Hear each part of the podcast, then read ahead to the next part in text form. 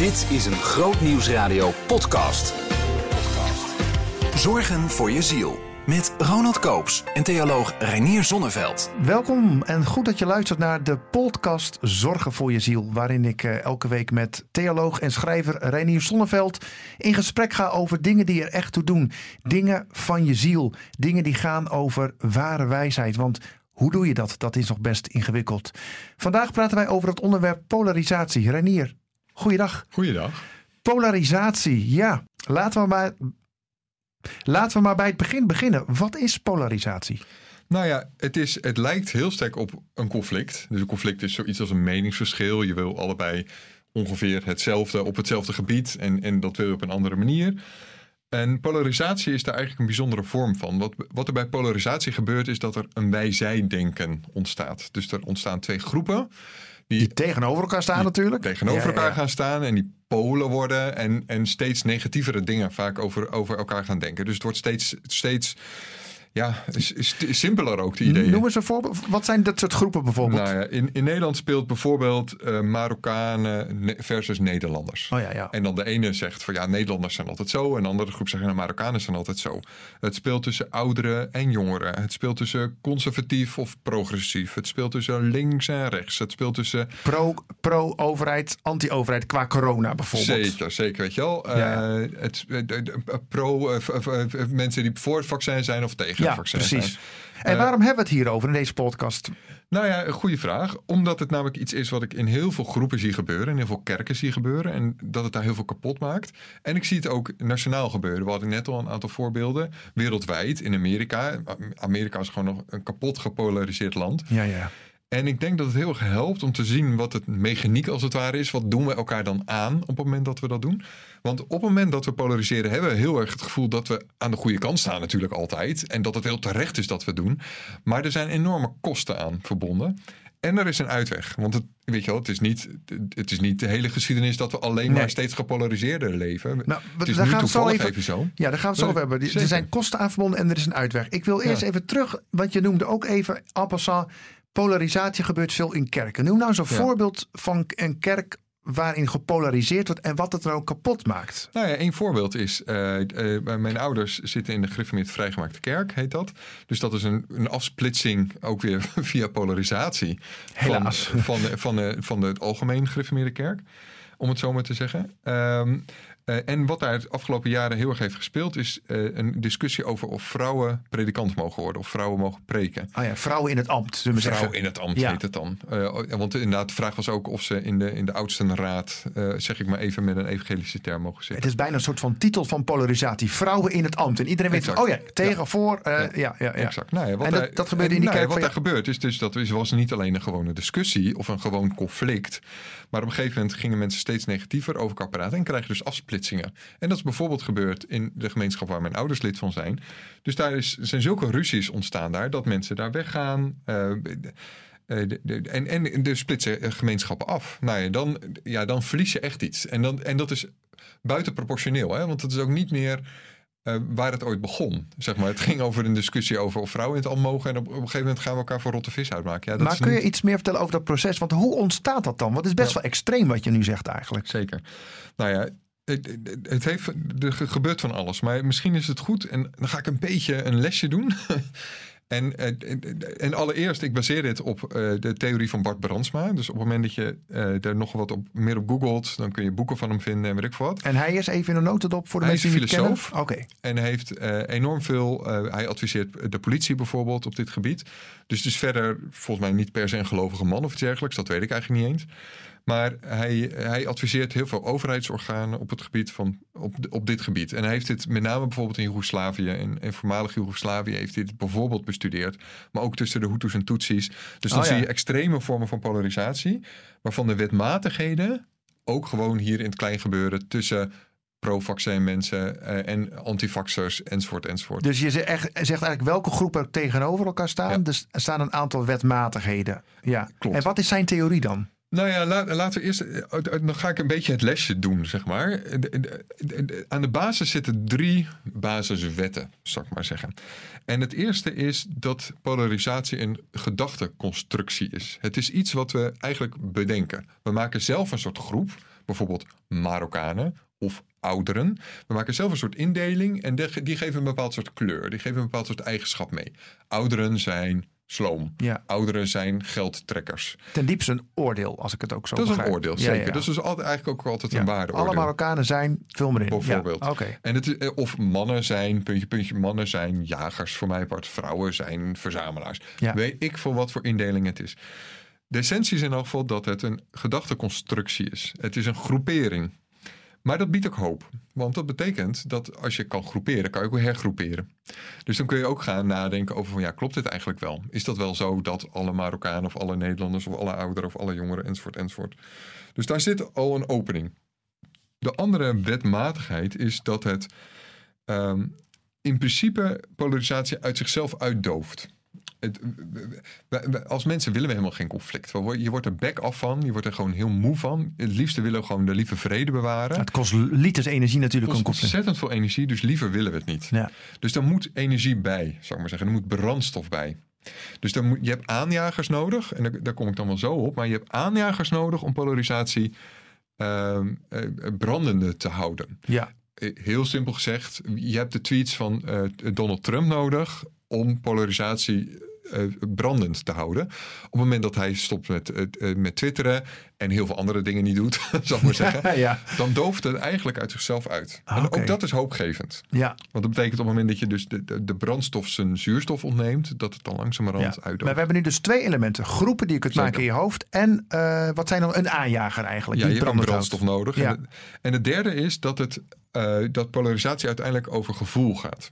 Dus het is iets wat eh, over emoties gaat. Gevoel als in niet de feiten meer. Of, of- Nou, of- ook. Maar, maar dat betekent, de, de, de, de kwestie is dan dat de redelijke antwoorden, dus gaan beredeneren en zeggen van ja, maar jongens, we weten toch met z'n allen wel dat dit en dat en dat, dat dat op een gegeven moment niet meer werkt.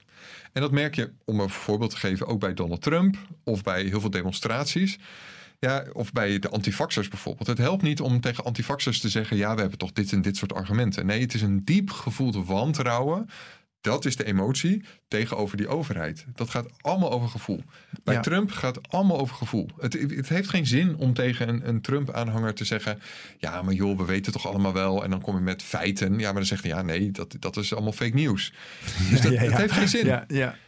Dus je kunt niet redelijkerwijs praten dan inderdaad ook. exact. Met zulke mensen. En- ja, nee, zeker. Dat typisch van die mensen Ja. die, waarmee je niet kunt praten. Ja, precies, Dus ja. hebben we weer een groep.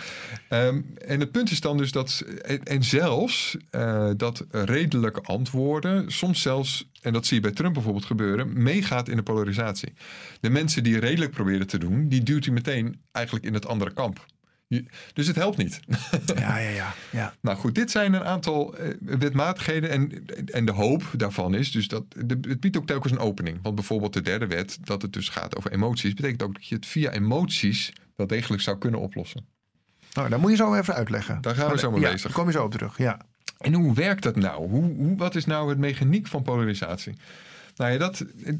Nou, misschien is het wel aardig. Heb, jij zelf een voorbeeld in je hoofd? Waar, waar- waarbij je nou denkt van iets wat je hebt meegemaakt, iets in een kerk of eh, in, in dit land?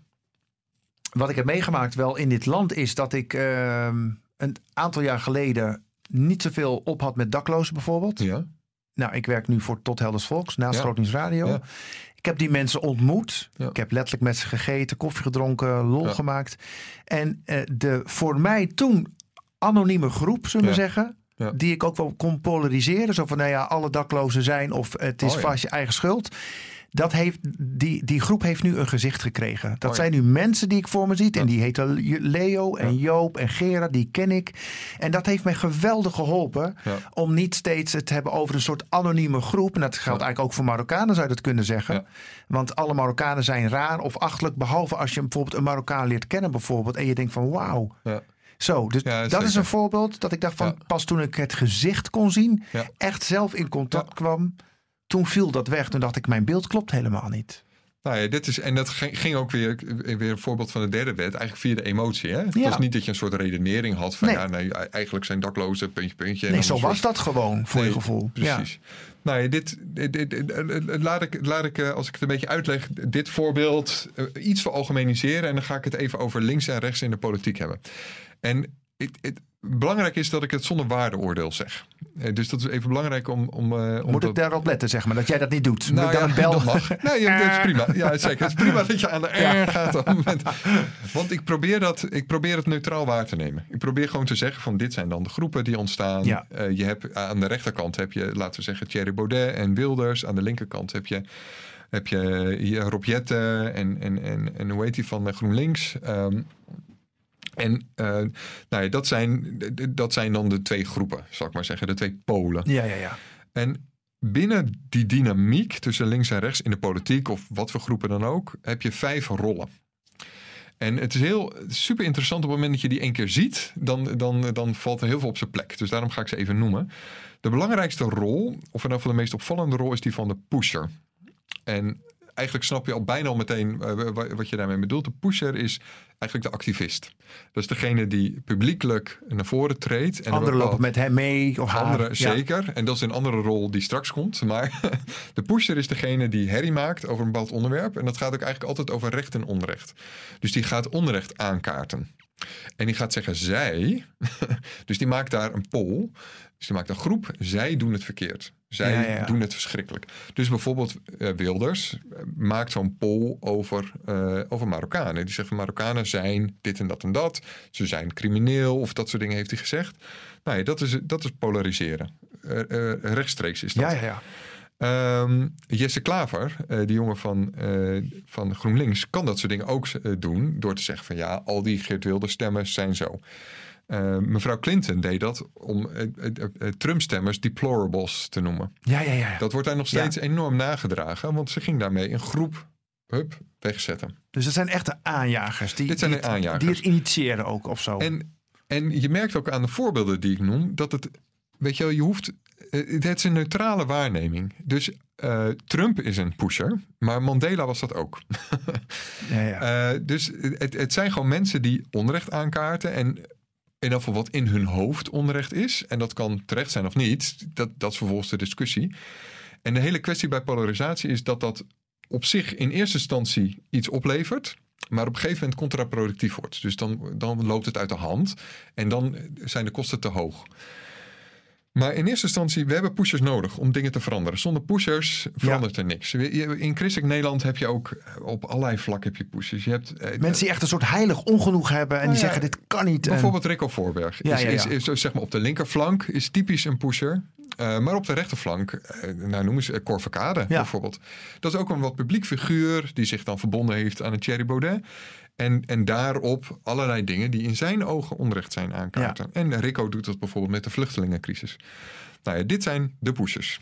En je noemde net al, dat is de tweede rol, eh, dat dan er mensen meekomen. Die kun je de joiners noemen Oké. de een beetje flauw gezegde meelopers. Maar dus ik vind joiners een wat neutraler. Ja, maar wel de groep die zegt van ja, ik ben het met hem of haar eens. Zo, Ja. zo denk ik er ook over. Zo denk ik er ook over, maar bijna nooit 100%. Dus je zult met de aanhangers van Cor Verkade of Rico Voorberg bijvoorbeeld... zul je meestal horen zeggen iets als van ja, hij, heeft, ja hij, hij is wel een beetje extreem... Maar hij heeft wel ja. een punt. Ja. En dat zul je aanhangers van een Rob Jetten of een Geert Wilders ook bijna altijd horen zeggen. Ze snappen echt wel dat het een beetje extreem is wat die mensen zeggen. Maar inhoudelijk, ja. Maar ze hebben wel een punt. En het is goed dat het gezegd wordt. Nou, dat zijn joiners. So- Soms heb je natuurlijk echte, de echte fans. Dat de echte, die die heel dicht bij de pusher staan. Maar de, meeste joiners hebben een, een, een wat gematigde houding. Maar gaan wel mee, luisteren ernaar. Verspreiden ook die berichten op internet. Delen de berichten van Wilders Ja. en Jette en, en Voorberg en Verkade. en Dan weet ook weer een soort van stem dus te geven. Ze bekennen ook kleur. Dus Ze bekennen daarmee ja. kleur, Oké. maken, nemen daarmee een bepaald sociaal risico. En, en pakken weer nieuwe joiners mee. Ja, ja. Nou, een, belangrijke groep. En wat ze op een gegeven moment gaan doen, en daar wordt het dan, ehm, daar begint de polarisatie snel uit de hand te lopen, is uiteindelijk eigen bubbels gaan vormen. Dus je gaat eigen partijen vormen, maar je gaat ook de andere mening eh, niet meer toelaten tot je bubbel eigenlijk. Dus wat er in eerste instantie gebeurt. Prille joiners zijn, heel, eh, zijn echt geneigd om te gaan discussiëren. Die willen graag in gesprek. En op familiefeestjes zijn ze vreselijk in de eerste instantie. Oh, hij, hij gaat het waarschijnlijk weer hebben over de Ja, klimaatverandering. ja, precies. Oh. Ja. Hij heeft een, een verhaal van Greta weer gehoord. En hij moet, Ja, precies. ja, Ja. vijf jaar geleden was het van. eh, Ja, nou waarom zit ik hier? Wie is eigenlijk jarig? Maar goed. Ja. Dat is de, de prille joiner. Maar op een gegeven moment verhardt de joiner iets. En denkt van ja, al die discussies op die verjaardagen. Ik word er hartstikke zat van. En ze luisteren toch nooit. Ik Ze wel- luisteren, ja. Ja, Ja. ze luisteren toch nooit. Dat zijn allemaal van ja, die, die, die, oude, die oude ooms die nooit van mij luisteren. Ik ga in het hoekje zitten bij de paar jonge neefjes en nichtjes die, die het wel met me eens zijn. Dus je gaat een eigen soort poeltje, je eigen eh, bubbel vormen. Ook op internet. Je sluit alle lastige geluiden af en je gaat je eigen bubbel vormen. Je eigen echo-put. Hij gaat rondzingen. En je gaat Ja. rondzingen en het versterkt zich. Ja. Oké, dat zijn de joiners, de tweede rol. Dan heb je een derde rol en die is misschien uiteindelijk qua de oplossing wel de belangrijkste. En daar komen, we- daar komen we vast wel op. Namelijk de stillen, de silent, de, de, de middengroep eigenlijk. Dus we hebben net twee polen gehad, waar de pushers de meeste extreme zijn. De joiners die daar een beetje naartoe drijven. En dan heb je daartussenin de stillen, de, Ja, de echt, echt ook fysiek in het midden een beetje of zo? Of, Ja, of- ja, dat zou je fysiek in het midden Ja, ja. kunnen voorstellen. En die zijn er in de politiek natuurlijk. Ja. De gematigde stemmers, die stemmen misschien wel links of rechts, omdat het niet anders kan. In Amerika kan het niet anders. Dan zit je of bij de Democraten Ja. of bij de Republikeinen. Maar ze denken van ja, ja het is kies uit twee kwaden. Ik, Ja. pff, het is dat ik moet stemmen, maar ik vind het eigenlijk verschrikkelijk hoe het gaat. Ja. Dit zijn overigens de meeste Amerikanen. Als je, als je bij de Amerikanen navraagt, dus 60 tot 70 procent van de Zo, het Amerikanen is echt een grote groep, ja. horen bij de stille. En vinden het eigenlijk verschrikkelijk hoe dat uit de hand loopt. Maar ja, maar ja je hebt maar twee keuzes. ja. Dus dat is een van de zegeningen van ons meer een partijenstelsel. Ehm, de stillen zijn ook werkelijk stil. Dus die hoor je veel minder. Die twitteren zitten veel minder vaak op Twitter. Ja, zijn meer de volgers misschien, hè? Nou ja, volgers andere- dus eigenlijk niet, niet zozeer volgers. Nee, want maar ik dat bedoel zijn meer de mensen die op Twitter naar anderen kijken, maar niet Ja. zelf dingen gaan posten Exact. en zo. ja. exact. En die daar back af van worden en op een gegeven moment dus van Twitter afgaan. Ja. Omdat ze denken van ja, dit, eh, Ja. dat, eh, al dat gedoe en, ik, ik, en allebei zit wel wat. Dus dat zijn vaak ook mensen die en iets van Wilder snappen, maar ook iets van Jesse Klaver snappen. En bij allebei denken ja, ja, ja, ja. Wat is het nou? Ze snappen iets van Cor Verkade en ze snappen iets van Rico Voorberg. En ze, ja, ze vinden als ze een, een vluchteling ontmoeten, vinden ze hem hartstikke lief. Maar ja, het zijn er toch ook wat veel. En weet je wel, nou, Hele tijd heen en weer ges- hele geslingerd. heen en Ja, weer- ja, ja. Hele ja. tijd heen en weer geslingerd worden. En vooral eh, hekel hebben eigenlijk aan ruzie. Ja. Het liefst gewoon de vrede bewaren. En denken van, ja, waarom moet dat nou allemaal zo luidruchtig en hard? Soms is dat uit onverschilligheid, dat kan hè. Maar soms is het ook een heel bewuste keus. Dus Ja, ja, ja. dat zijn vaak ambtsdragers in de kerk. eh, die heel bewust ervoor kiezen om niet partij, eh, de, de- niet stelling te nemen. Nee, ik luister vooral. Ja, precies. Ik luister vooral. Ja. Of het zijn agenten bijvoorbeeld, hè, dus politieagenten. Die, ja, die mogen geen partij hebben. Als agent ga jij niet zeggen... ik, ik timmer die Geert Wilders aanhanger wat harder op zijn snuffert bij een demonstratie... dan iemand van Ja. Black Lives Matter of Nee, andersom. precies. Dat kan niet. Dat kun je niet maken. Nee. Dus je, je bent eh, als ambtenaar of als ambtsdrager Ja. in een kerk... Het ben zou je- hilarisch zijn, maar het kan niet. het zou hilarisch zijn. Ja. En stiekem gebeurt het natuurlijk wel best wel eens. Maar het mag niet. Uit Nee. hoofde van je rol ben je neutraal. Ben je gekozen neutraal. Oké. En het interessante is dat dit is de doelgroep van de pushers. Maar wacht, even samenvatting. Ja. We hebben dus de pushers, we hebben Ja. de, de, Joiners. de joiners en de silent, de, de stille groep. De stille groep. Oké. En de pushers richten zich, dat is een van, dat zou ook een extra wet kunnen noemen, richten zich op de stillen. Aha. Want daar is winst te behalen. Ja, daar is wat te halen. Dus het lijkt alsof, zeg maar, ze schelden de hele tijd op elkaar. Dus Pechtold, die had een soort zijn favoriete vijand Wilders bijvoorbeeld. Dus die zaten de hele tijd elkaar zwart te maken.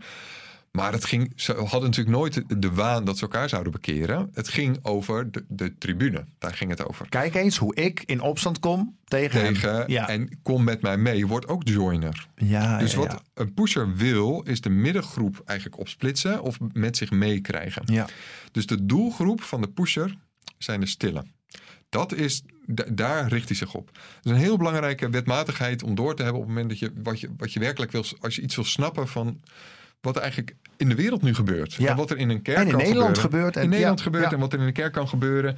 Wat er in bedrijven kan gebeuren op het moment dat er iemand ontslagen wordt. Wat er in families kan gebeuren op het moment dat er een echtscheiding is. Of, of een, een misbruikverhaal of wat dan ook. Dit gebeurt er. En dan heb je nog twee andere rollen die wat kleiner lijken, maar, maar ook bijna altijd wel gebeuren. Namelijk, je hebt de bruggenbouwer. Of eh, duur gezegd in het Engels dan de bridge builder. De bruggenbouwer is eigenlijk degene die probeert neutraal te blijven. En beide partijen aan het woord wil laten. Dus die gaat een beetje à la eh, Job Cohen. De, Ja, de, de- ja. Die deed dat een beetje. Die ging dan koffie drinken. puur zang natuurlijk, ja. Bruggenbouwer puur zang. Die ging koffie drinken met iedereen. En, en die probeerde alle partijen aan het woord. Die gingen, je gaat dan debatten organiseren bijvoorbeeld ook. Dus ja, nou, ja dat, we moeten dan... eh, ja, toch maar beide partijen aan het woord laten. En dan, en dan op- uiteindelijk zal de reden wel winnen. Dus Ja, de taal is heel, ook heel vaak heel redelijk. Het interessante is dat dit Ook misschien de conflictmeider daarmee misschien wel. zeker. Ja. Dus het, het zijn vaak Qua ook- psychologisch karakter dan, hè? Zeker, Ja. qua psychologisch karakter. Het zijn de, de, mensen van het midden feitelijk. Die, die zich als het ware geroepen voelen om een meer publieke rol te gaan be- bekleden. Om de vrede Ja, te herstellen. ja. Dit is een rol die bijna altijd mislukt. Waarom? Omdat Hoopgevend. Je, nou ja, Ja. wat je namelijk eigenlijk doet is podium bieden aan de pushers. Eigenlijk altijd. Ah, Eh, dus je maakt eigenlijk gewoon, je laat ze reclame bieden. En je laat ze nog meer eh, brandstof bieden aan het conflict. We hadden het er net over dat een conflict eigenlijk uit, uit zichzelf uitdooft. We worden, worden er moe van, hè? Op een gegeven moment vinden we het wel welletjes.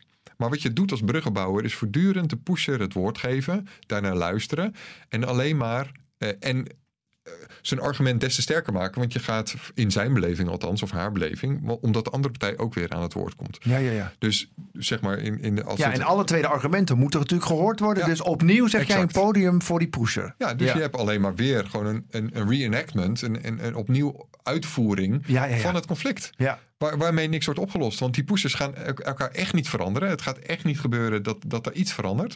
Dus het is gewoon een, een herbevestiging. Het is nieuwe brandstof voor. Eh, en iedereen kan, wordt weer in zijn gelijk bevestigd van ja, dat zijn allemaal stomme en wij zijn de goeie. ja, ja. ja. En zie je nou wel ze luisteren, toch niet.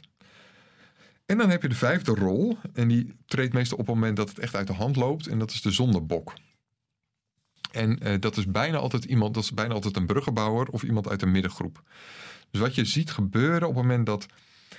Maar waarom juist die? Dat vind ik zo Ja. onnatuurlijk. Leg dat eens uit Ja, dan. nou ja, op het moment dat eh, polarisatie groter wordt, dan worden dus die groepen joiners steeds groter.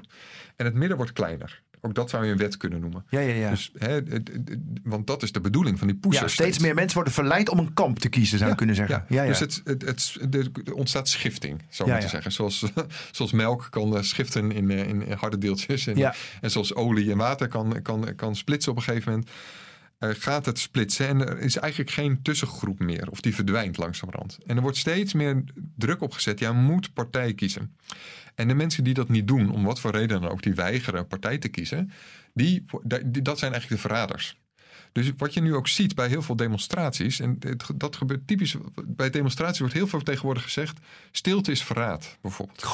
Echt zo letterlijk gewoon. Letterlijk wordt dat gezegd. Dus op het moment dat je nu niet kiest, het moment dat je niet, mee, op, op het moment dat je niet bij ons bent, dan ben je tegen ons. Nou, dat is pushen. Ja, dat ja. is pushen. En op het moment dat, dat de, de, de, de, de middengroep klein is geworden, dan uiteindelijk zijn de mensen die, eh, die niet gekozen hebben het allerfoutst. Oh ja. Die zijn nog erger dan jouw tegenstander. ja, want die hebben geen eens partij gekozen. Die hebben niet eens In partij deze gekozen. belangrijke zaak. zo, ja. exact. Die blijven maar laks ach- eh, eh, achterover hangen en die, en die, en die verraden de, de, de zaak. Nou ja, daar. Ehm, en, en bruggenbouwers kunnen dat ook worden, hè? omdat het heel snel lijkt alsof je wel degelijk partij hebt gekozen. Dus, dus Cohen zat heel snel gewoon, die probeerde wel neutraal te zijn, maar iedereen zei: ja, je bent gewoon van de PvdA, dus je bent hartstikke links, dus je bent voor immigratie, dus bla bla bla. bla. Zo ging dat. Maar wat kun je dan wel doen om die polarisatie Nou. tegen te gaan? Exact. Ehm, ik denk sowieso dat het, dat het begint met gewoon maar begrijpen wat, wat er aan de hand is. Ja. Zeg maar. gewoon, gewoon zien Dit, dat is, dit, dit is het spel wat we kennelijk spelen met elkaar. Met pushers, met volgers, met het midden. Ja, Zeker. En dus voor een deel dus niet de verleiding instappen om het te proberen redelijk te doen. En, en, en eh, neutraal proberen te blijven. Maar laat ik, en, en, en daar komen voor een deel, laat ik vier adviezen geven. Vier ja, game changers zou je het kunnen noemen. Vier manieren om hiermee om te gaan. En de eerste manier is, is te investeren. En dat is denk ik het belangrijkste in het midden. Dus het midden, die altijd zo stil is, om die juist stem te geven. Maar hoe zou je dat kunnen doen dan? Nou ja, eh, letterlijk door eh, niet de pushers elke keer het podium te geven. Dus niet te zeggen, nu gaan we een debat eh, en nu gaan we de twee vertegenwoordigers van, van de beide kampen gaan nu eens een keer aan het woord Ja, wat komen. echt zo'n politieke setting altijd is inderdaad. Altijd. Ja, En wat altijd hetzelfde oplevert, namelijk Niets. niks. En we lachten weer hard. ja, want, want we Wij weten twee dat wijze mannen van het universum. ja. Wow. Ja, precies.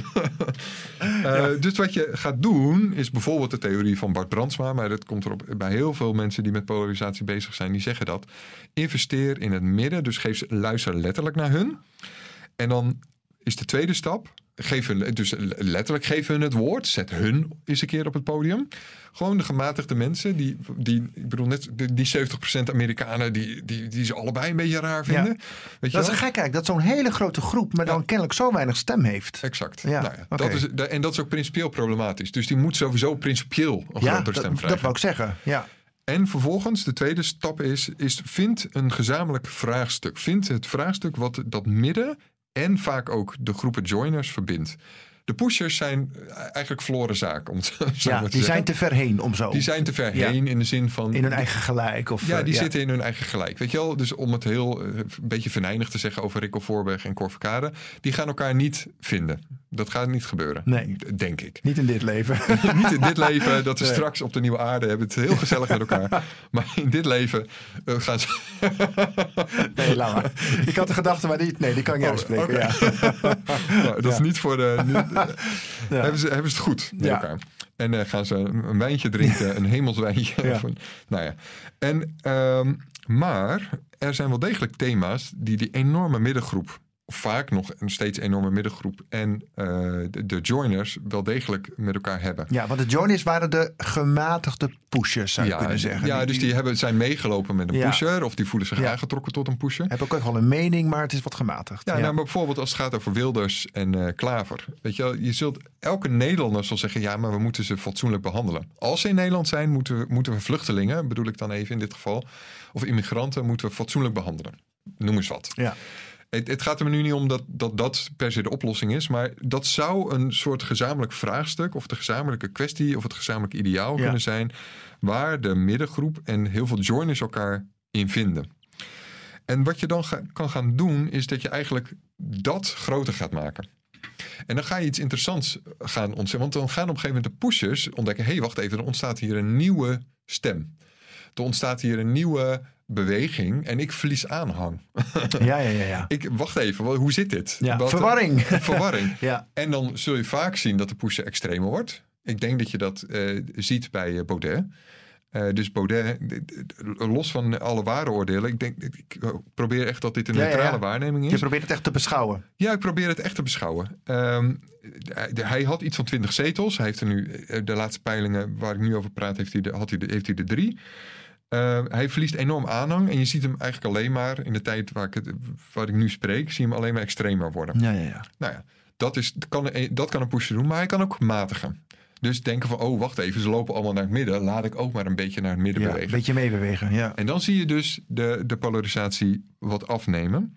En daarbij is een derde, dus een eerste is dus investeren in het midden. Tweede is vind een gezamenlijk vraagstuk, wat het midden en het joiners verenigt. Het derde is ga niet, probeer niet boven de partijen te staan of neutraal te zijn zoals een bruggenbouwer. Maar eh, deel die belangen. Weet je wel, jij bent niet neutraal, jij, bent, jij hoort bij die silent en die joiners. Ja, ja, ja. Wees, wees onderdeel van hun. Vecht, we- wees hun leider, als het ware. Wees de leider van het midden en, en neem hun mee in het, nieuwe, in het nieuwe verhaal, in het nieuwe vraagstuk wat je samen hebt gevonden. En het, het punt wat verbindt in dit geval. Ja, Dat kan in heel, veel, in heel veel wijken kan dat bijvoorbeeld het thema veiligheid zijn. Alle mensen, of je nou links of rechts of wat dan ook bent, of in, de, of in een kerk speelt het ook. Veiligheid willen we in een geval. ja, ja. Of Wie kan daarop tegen zijn, zo haast of zo? ja, zeker. En, en, en, dat kan, en dat vinden de pushers natuurlijk slappe hap. Hè? Ja. Die zeggen van ja, ja, wie kan daarop tegen zijn? Wat, eh, wat, wat is dit voor Ja, niksigheid? maar dan heb je het om- uiteindelijk wel over onderdelen die constructief zijn, Exact, en er gebeurt tenminste iets. polariserend zijn. Want, want eh, pushers die zijn dus met onrecht bezig. Die hebben een punt. Echt, ze hebben eh, altijd wel een punt. Er is een of ander onrecht wat ze aankaarten. En, ze overdrijven het voor mij part. Maar er, dat komt ergens vandaan. Ehm, alleen, het is uit de hand gelopen. Ja. Waardoor het improductief is geworden. Er verandert niks meer. Niemand luistert meer naar elkaar. Dus, dus het, de enige optie is eh, gewoon Ja. een nieuw vraagstuk te vinden. Precies. En het laatste punt? Is geduld hebben. Oké. Mild zijn met elkaar, je toonmatige, geen grote woorden hebben, eh, geen grote veralgemeniseringen maken. Stoppen met groeperen, dus stoppen met die en die zijn, puntje, puntje, puntje. Dat zeg je gewoon nooit meer. Maar je toon is rustig, gematigd, voorzichtig. En zo ga je verder met elkaar om. En dan zul je zien dat langzamerhand de polarisatie vermindert. Dat we weer beter naar elkaar gaan luisteren. En dat de gesprekjes in de kerk, op het kerkplein en bij de verjaardagen van de familie weer een stuk relaxter worden. Super, dankjewel. Het was echt een college bijna. Ik Het vond was het echt mega college, interessant. Voor de mensen die denken van mooi verhaal, maar wat moet ik ermee? Wat is de samenvatting? Wat kan je meegeven? Om Nou. even over te, te, over te, te overpeinzen deze dag. Nou, het belangrijkste is, eh, als het gaat over polarisatie, is altijd zo dat de Polen de meeste herrie maken. Maar de oplossing ligt in het luisteren naar het midden en het stemgeven naar het midden en een nieuwe oplossing te vinden voor het midden. Reinier Zonneveld, dankjewel voor dit gesprek. Volgende week spreken we elkaar weer over het huwelijk. Yes. Luister ook elke vrijdag naar de rubriek Zorgen voor je ziel in de Nieuwe Morgen. Bij Grootnieuws Radio. Behoefte aan meer? Grootnieuwsradio.nl slash podcast.